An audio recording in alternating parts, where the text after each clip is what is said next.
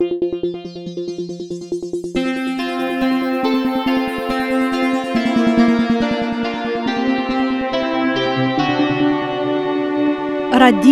Esperanto Saluton! Parolas Kaliningrado. La dudecan de octobro sabate, el la Kaliningrada studio de Radio Esperanto, vin salutas Alexander Korzenkov kai Halina Gorecka. Vi auskultas nian kvardekvinan son programon. Gi aperas kvar monatoin post la antaua, kvardekvara programo. Dum ci tiu pauso multo okazis. Exemple la piedpilka mondpokalo ci somera gastis anco nia urbo, cae masego da alilandei, zelotoi cae gapuloi venis al Kaliningrado. Dum dec du juliai tagoi ni estis ester Ruslando. Unuo ni venis tra Pollando el Slovakio, Kaj danke al Petro Balaž ni partoprenis en la somera Esperanto-studado en Liptovski Mikulaš. En ĝi mi kun la helpo de Halina faris mian kvinlekcian kurson pri la historio de Esperanto. Ni duope ankaŭ prezentis nian enciklopedion nia diligenta kolegaro, ke organizis kun la helpo de Ras Williams kvizon kiu estas sur la ekrano. Nature ni uzis la eblon por viziti la altajn teatrojn, kaj nian ŝatatan urbon Poprad, en kiu ni vidis la novan parketon nomitan omaĝe al nia karmemora amiko Milan Zvara, al kiu ni servis purigante la memor stonon kiu malforgesigas lein meritoin. Teo estis nia unua revizito de Slovakio ekde la 1990 jaro, do ni ne estis tie dum dudek jaroj, sed en Budapesto ni estis la unuan kaj la lastan fojon antaŭ tridek kvin jaroj, okaze de la sesdek tria Universala Kongreso de Esperanto, okazinta en la 1983 jaro. Kaj ĉiu lia ni denove venis al la hungaria ĉefurbo danke al la invito de Vilmos Bencik. Vilmos, lia edzino Maria kaj nia konstanta akompananto kaj ĉiĉerono Blazio Vaha – faris cion neblen por che nia restado estu agrabla cae sen problema. Ili perfecte successis en Budapesto cae anco en la fama Danub Curbigio, cia ni conetigis cun la regia fortreso en Visegrad cae cun la cefa hungara rom-catolica basilico en Estergom. Crome, dancal anio amica, ni presentis nian diligentan collegaron en la Budapesta literatura cafeio, cion si cunordigas. Tie ni havis la plezuran renkontiĝi interalie kun Istvan Nemere, Ivan Buidoso, kaj kun la vidvino kaj unu el la filoj de Bernard Golden. La lasta halto en nia somera itinero estis Vieno, kie ni estis la unuan kaj la lastan fojon antaŭ dudek ses jaroj, kiam tio okazis la sepdek sepa universala kongreso kun pli ol tri mil partoprenantoj. Ne dua congreso posle Budapesta, okazinta nau jaroin antaue. Ni constatis che Vieno plibeligis, cae che la Esperanto Museo bone fartas en sia nova loco. Ni multe promenis cae rigardis, cae finfine gustumis la Vienan schnitzlon. Reveninta heimen, ni ofte riposis en la cemara banurbeta Zelenogradsk, kie nia ripozloĝejeto troviĝas je nur kelkaj promen minutoi de la belega strando. Nekutime milde estis la vetero dum la tuta somero kaj dum la unua duono de la aŭtuno. Cetera ni naĝis en la nekutime varma Balta maro ĝis la deka de septembro, kaj eĉ antaŭhieraŭ ĵaŭde la temperaturo ankoraŭ persistis ĉe dudek Celsiaj gradoj sed post la ora aŭtuno neeviteble komenciĝas pluva sezono, en kiu tiel agrable estas trinki varman teon, kafon au glintveinon, kaj spekti ŝatatajn filmojn. Kaj tion mi devas fari, ĉar vi eble konstatis, ke mi nun iom raŭketas. Halt. Mi prescu forgesis diri, ke en septembro mi kaj Halina post trijara paŭzo denove venis al Poznano por la arta festivalo Arkones. Ĝi unuafoje okazis en la ĉeforganizanto Paŭlo Janovĉik, forpesinta comenza de citiu iaro. Compreneble, ni contribuis alla programo per presento de nia enciclopedio nia diligenta collegaro, cae per la jam menciita quizo. Yes, estis bona arcones. Cae nature, ni ciu monate, escepte de augusto, pretigis freshan numeron de la ondo de Esperanto, cae ec de lundo ni laboros pre la novembre el dono de nia bitgazeto, kiun multe el vi espereble abonas. Cetere, ĉu vi, vi, kiu nun aŭskultas nin, ĉu vi jam abonas? Mia nekutima ampleksa conduco venas al la fino. Post unu minuto vi aŭdos la Kaliningradan felietonon de Halina, kiu rakontos pri la turisma ondo inundinta nian regionon lige kun la futbala mondpokalo. Sekvos Esperanto novaĵoj, prezentado de la oktobra numero de la Ondo de Esperanto, ca invito alla quindecquinae Baltie Esperanto-tagoi. Nian programon finos bona conata canzona de la gruppo Amplifici, kies albumon tute ne gravas, Vinil Cosmo jus reldonis kiel bit albumon. Bonan auscultadon!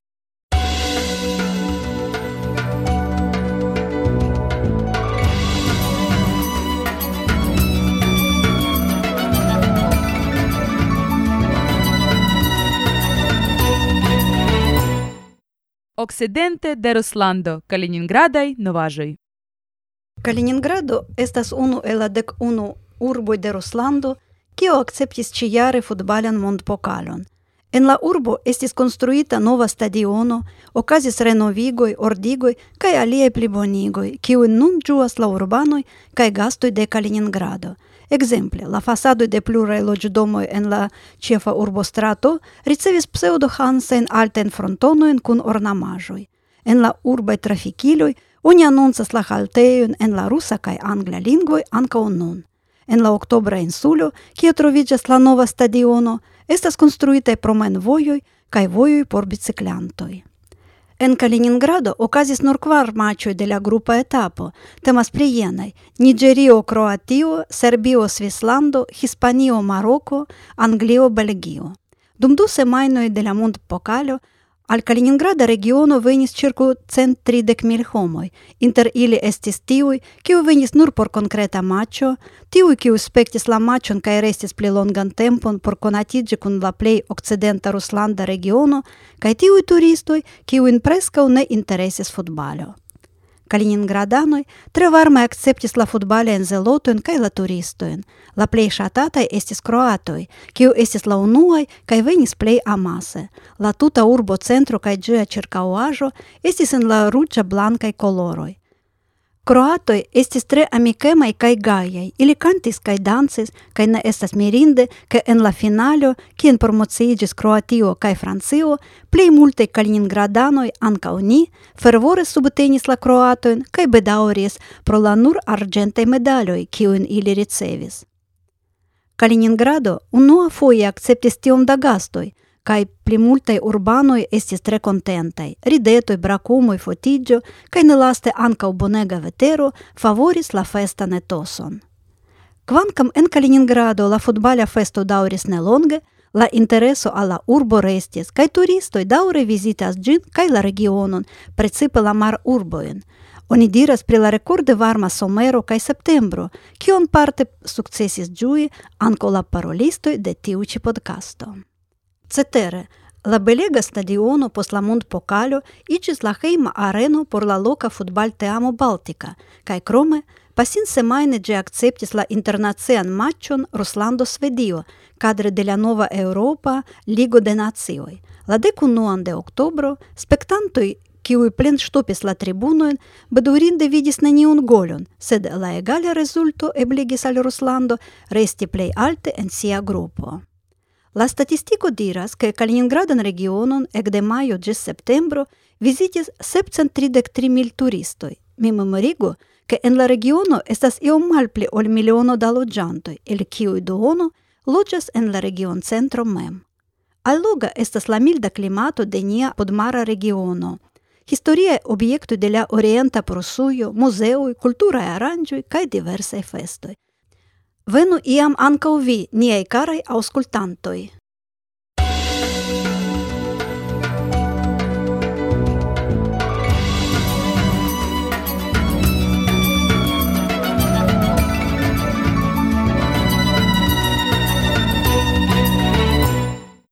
Esperanto novaĵoj.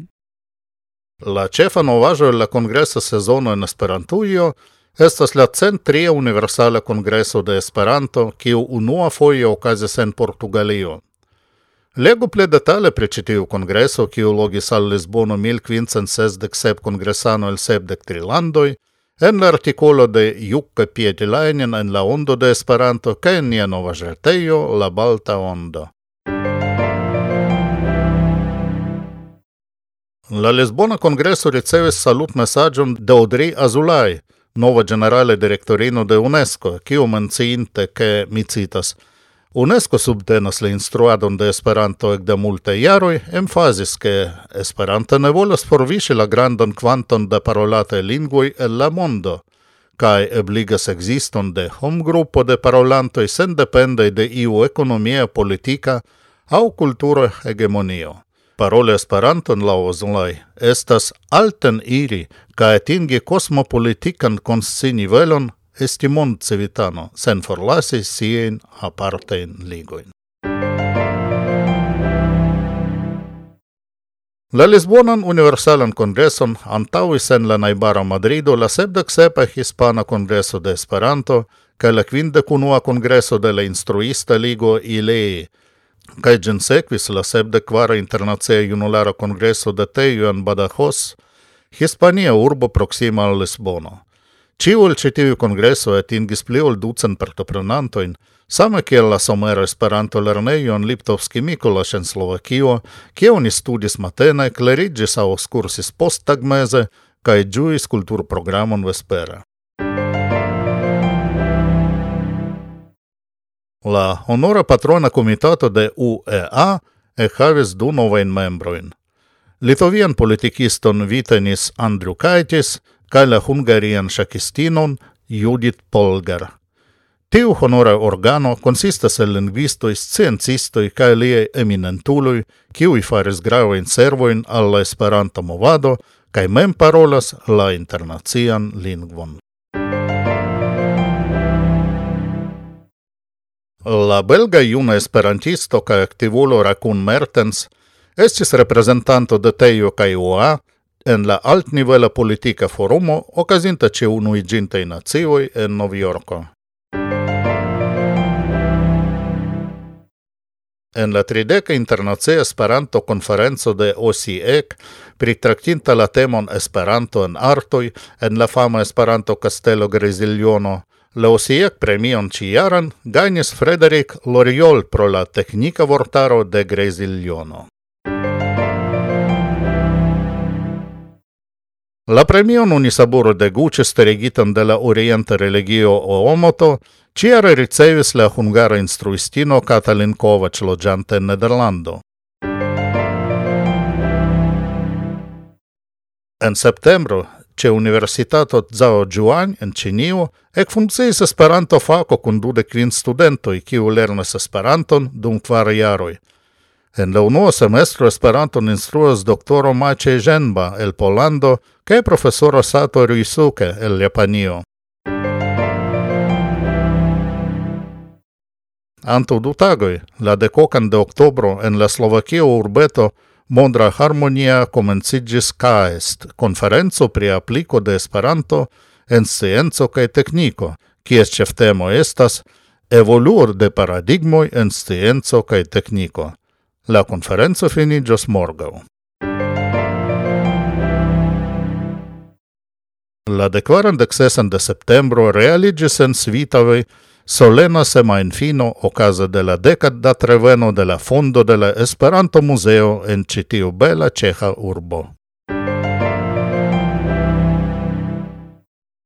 La dekokan de septembro Vikipedio en Esperanto atingis sian ducent kvindek milan artikolon. Kalle Knivila, ki jo okde dumil tri redaktis la Red Bull Tenon Libera Folio, Comenza de septembro pro profesie che aloi forlasis sian postenon. Lin statauis Jukka Pieti Lainin, kiun helpos Istvan Ertel kai Grigoria Rosev. Plei novažen en Esperantujo legu en la ondo de Esperanto, kai en nia novažretejo la Balta Ondo, ce la adreso sezonoi.ru.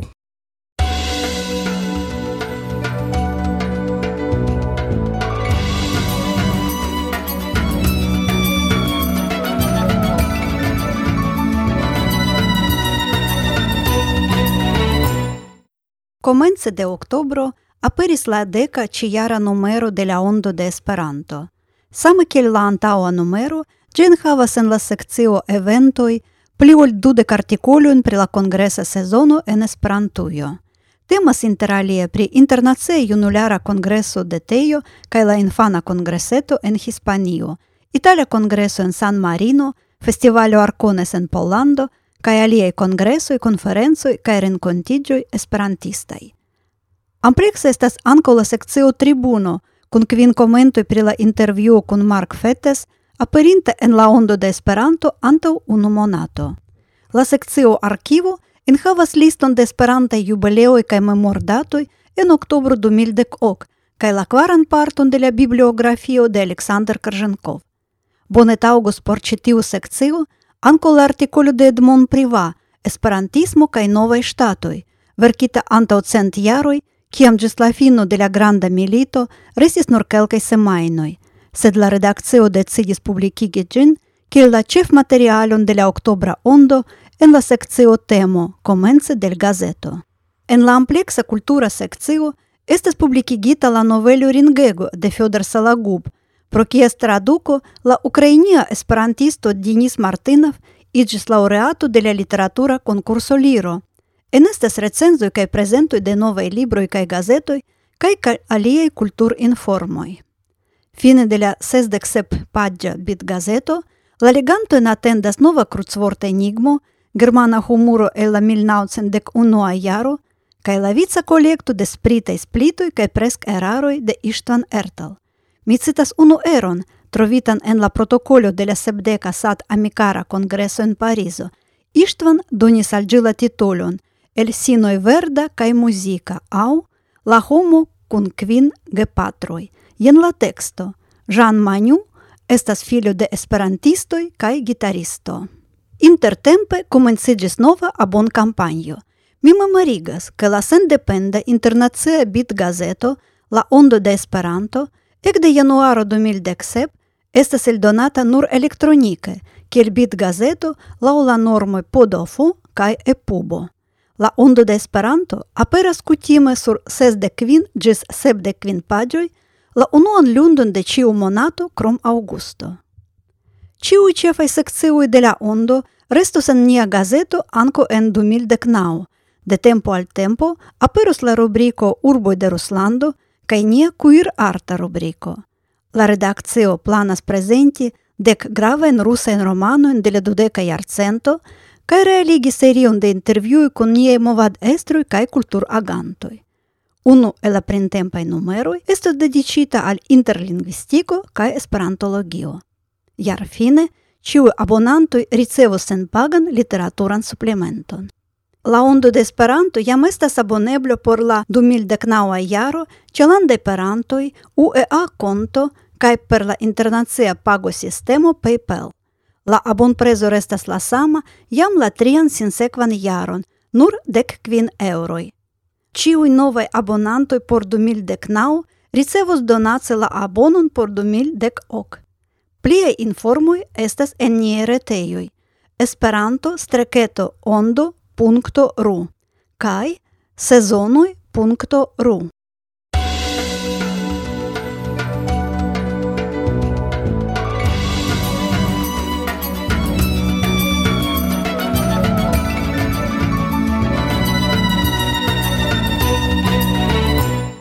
Radio Esperanto. Litova Esperanto Asocio invitas al la tradiciaj kvindek kvinaj Baltiaj Esperanto tagoj, kiu okazos de la sesa ĝis la dekkvara de julio du mildek naŭ en Panevėžys. Betoj okazas ekde milnaŭcent kvindek naŭ ĉiujare laŭvice en Latvio, Estonio kaj Litovio. La kvindek kvina bet estas dediĉita al la centjariĝo de Litova Esperanto Asocio. Panevėžys situas en norda Litovio Центри de 6 km nord-occidente de Vilno, la ĉefurbo de Litovio. Ĝi estas la kvina laŭ la grandeco urbo de Litovio, grava industria kaj kultura centro, administra centro de la samnomaj regiono kaj distrikto. La unuan fojon ĝi estis menciita en 1503. Nun en Panivegis estas circa cent mil loĝantoj. La urbo estas facile atingebla buse kaj.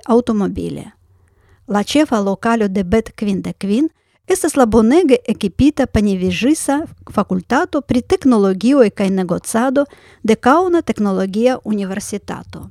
La parto prenantoj povus libere uzi ĉiujn ejojn kaj servojn de la fakultato, ĉambroin, modernajn teknikaĵojn, komputilojn kun libera reta aliro kaj simile bet quinde quin gius subtenon cun laboron cae divers helpon de la urba municipo. Pli detalje informuj prila programo kot izoj, vizoj, aliđoj, pag eblecoj, lođado, кај kaj есте слегебле li geblej en la retejo debet kvin de kvin, kaj en Facebook. Vidula adresojn en nija novaže retejo la balta ondo, sezonoj.ru, rubriko bet kvin de kvin – Ni, la du parolistoj de Radio Esperanto, planas partopreni en Bet Kvinde Kvin, kaj ni plezure rekomendas al vi, karaj aŭskultantoj, veni sekvont Julia al Panevėžys.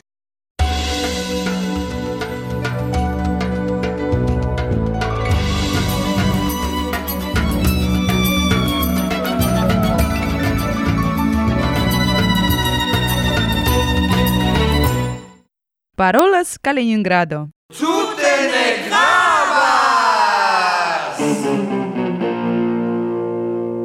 Amplifiki estas la nomo de la Esperanta rock-muzika grupo fondita de Kim Henriksen, Bertilo Venergren kaj Mike Englund en la jaro 1982. Ĝi signis la komencon de moderna junulara Esperanto-muzika erao. Antaŭ 32 jaroj la kooperativo de literatura foiro eldonis ilian unuan kasedon, tute ne gravas, en kies registrado partoprenis ankaŭ Martin Wiese, Alin Bulle kaj Isabel Rom. La canto de la unua albumo igis tre famai, exemple ISO, la himno de la internazia seminario, cae sola. Mi rememoras, kiel antau prescu tridec jaroi Kimo, veninta al Sverdlovsko cadre de la junulara proiecto Next Stop Soviet, permesis al mi fari unu copion de citiu casedo, sen la raito plu copii gin, posteble quindec auscultadoi la qualito del casedo tuta albonigis, Sediatrovegge ja seu complazema amico, kiun unuelni esperantisteren contigioi caše pruntis por ciam, ce tiun miskvalitan relikvon. Hej, ŝtelisto, ĉu vi aŭdas min?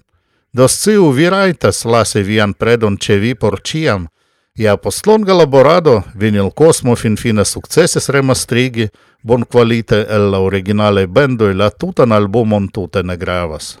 Antaŭ dek du tagoj, la okan de oktobro, citiu bit albumo estis lancita. La nova malnova albumo impresas ege freshe. Indas ausculti gin por remalcovri citiun mitan cae meilo stonan vercon.